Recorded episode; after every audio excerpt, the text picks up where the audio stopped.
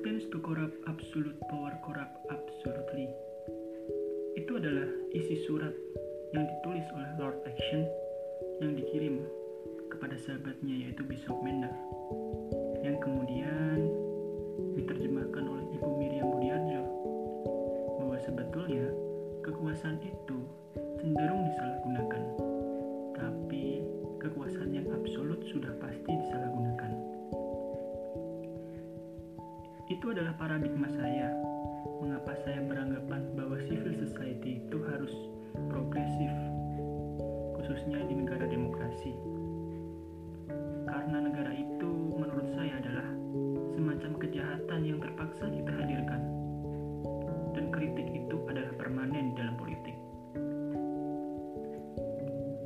Lalu kadang ada pernyataan yang menjengkelkan sih sebagai counter attack dari kritik kita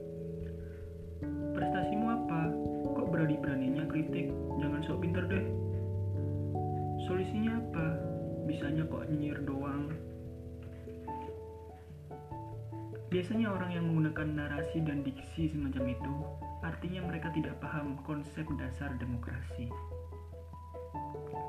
Bahwa ada freedom of speech yang dilindungi oleh konstitusi. Tapi tidak apa-apa. Untuk para penagih prestasi dan solusi, saya akan menjawab itu tidak dengan teori, namun cukup dengan logika falasi. Jika dua kalimat itu berlaku di zaman Orde Baru,